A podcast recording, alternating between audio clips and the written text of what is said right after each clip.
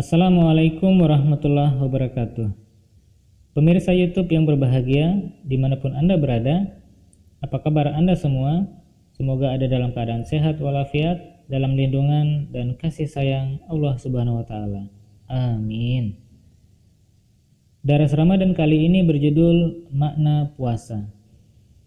Allah Ta'ala berfirman dalam Al-Quran surat Al-Baqarah ayat 184 A'udzu billahi minasyaitonir rajim يا أيها الذين آمنوا كتب عليكم الصيام كما كتب على الذين من قبلكم لعلكم تتقون Wahai orang-orang yang beriman, puasa diwajibkan atasmu sebagaimana telah diwajibkan atas orang-orang sebelummu supaya kamu terpelihara dari keburukan rohani dan jasmani.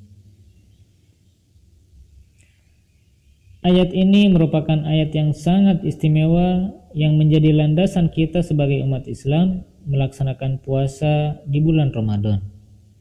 Pada kesempatan kali ini, marilah kita pahami bersama apakah definisi dari puasa itu. Dalam bahasa Arab, puasa itu memakai dua macam kata. Yang pertama adalah saum atau saumun dan yang kedua adalah siam atau siamun. Dan kedua kata tersebut akar katanya adalah soma. Dan untuk kata saum atau somun menurut Kamus Bahasa Arab Al-Ma'ani artinya adalah menahan diri dari setiap tindakan atau perkataan. Yang kedua artinya adalah diam dan untuk kata siam atau siamun, menurut Kamus Bahasa Arab Al-Ma'ani, artinya adalah saya menerima bulan puasa dan pengampunan. Dan arti yang kedua adalah menahan diri dari nafsu makan dan berhubungan badan dari subuh hingga matahari terbenam. Sedangkan untuk akar katanya sendiri yaitu kata soma, menurut Kamus Bahasa Arab Al-Ma'ani artinya adalah yang pertama, diam. Yang kedua, dia harus menahan diri dari makan dan minum mulai fajar hingga matahari terbenam. Yang ketiga, puasa dalam arti syariat, yaitu menahan diri dari makanan, minuman dari fajar hingga matahari terbenam disertai dengan niat. Nah, jadi itulah arti kata dari kata saum dan siam dan juga soma menurut Kamus Bahasa Arab Al-Ma'ani. Dan kalau kita mencari kata siam atau saum yang artinya adalah puasa di dalam Al-Quran, maka kita akan mendapatkannya di dalam surah-surah berikut ini. Yang pertama terdapat dalam surah Al-Baqarah ayat 184, juga 185, 186, 188, dan juga 197. Juga terdapat dalam surat An-Nisa ayat 93, terdapat juga dalam surat Al-Maidah ayat 90, juga 96, juga terdapat dalam surat Maryam ayat 27, terdapat dalam surat Al-Ahzab ayat 36, dan surat Al-Mujadalah ayat 5. Nah, jadi kalau kita mencari kata siam atau saum di dalam Al-Qur'an, maka akan maka kita akan mendapatkannya di ayat-ayat tersebut. Sedangkan pengertian puasa menurut Kamus Bahasa Indonesia, puasa artinya adalah meniadakan makan, minum, dan sebagainya dengan sengaja.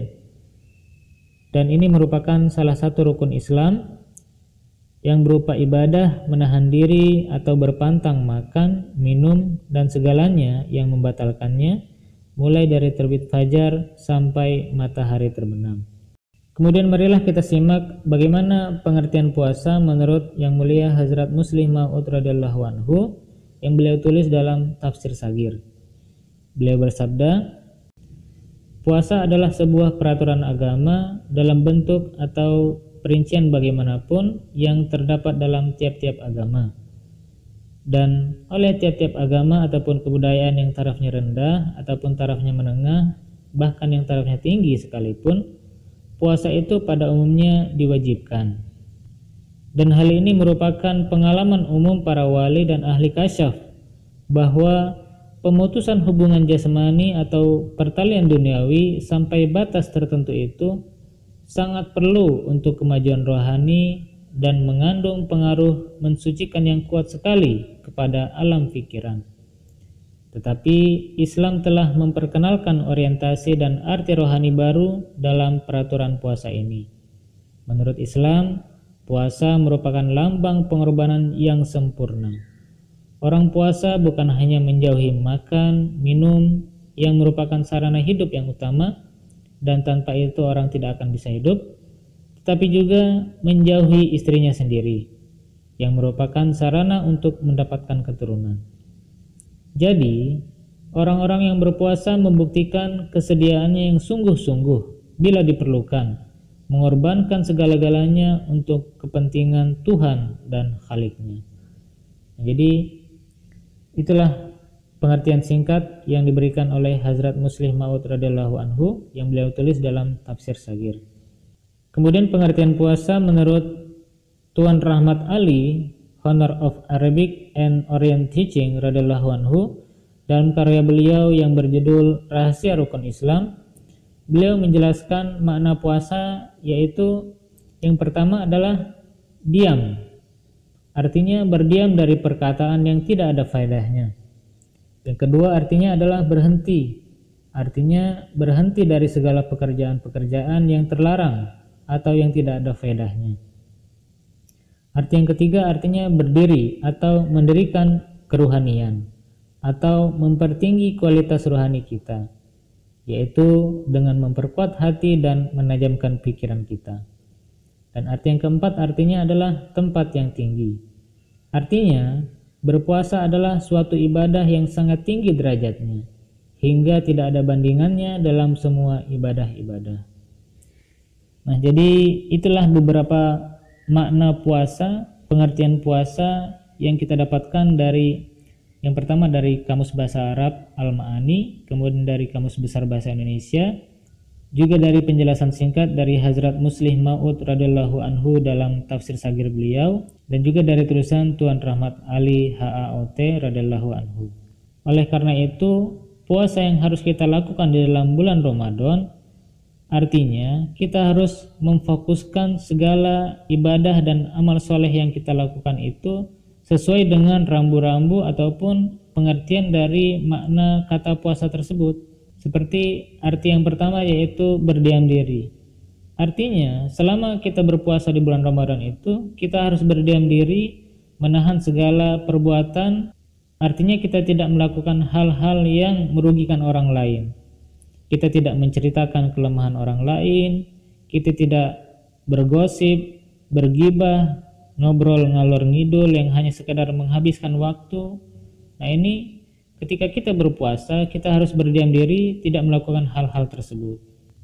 Kemudian juga kita harus berhenti dari perbuatan lagau ataupun sia-sia. Nah, perbuatan lagau ataupun sia-sia ini banyak sekali contohnya, terutama di kehidupan modern saat ini. Saya bisa ambil contoh seperti game online. Nah, game online ini sudah sangat marak dimainkan oleh para remaja kita.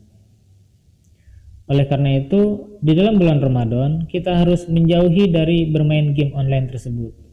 Banyak sekali macam-macam game online ini yang tentu saja akan menghabiskan waktu kita, menghabiskan fokus kita yang seharusnya kita beribadah, beramal soleh di bulan Ramadan, justru malah disita oleh permainan game online ini. Itu hanya akan membuang waktu kita dan akan menyita perhatian kita, menjauhkan perhatian kita dari beribadah kepada Allah Ta'ala. Juga kita jangan menyia-nyiakan waktu kita hanya dengan menonton acara-acara di televisi yang tidak berfaedah, seperti sinetron-sinetron yang tidak mendidik, infotainment, dan lain sebagainya, acara-acara yang tidak mendidik itu sebaiknya tidak kita tonton di bulan Ramadan ini. Justru kita harus mencari tayangan-tayangan yang akan meningkatkan pemahaman kita, wawasan kita, dan juga keruhanian kita. Kemudian kita juga harus berhenti dari mengusili orang lain, dari mengganggu orang lain, menjahili orang lain. Ini terhadap teman sendiri kadang-kadang kita suka usil. Ini harus kita hindari di bulan Ramadan ini. Intinya, selama kita berpuasa ini, kita harus berusaha meningkatkan level kerohanian kita sehingga ibadah puasa ini benar-benar merupakan ibadah yang tertinggi yang akan mengangkat kerohanian kita. Oleh karena itu, sepanjang hari 24 jam, marilah kita isi puasa Ramadan kita itu dengan amal ibadah mulai dari kita membuka mata kita sampai kita menutup mata kita ketika kita hendak tidur. Marilah kita isi dengan segala bentuk amal-amal ibadah terbaik dari diri kita.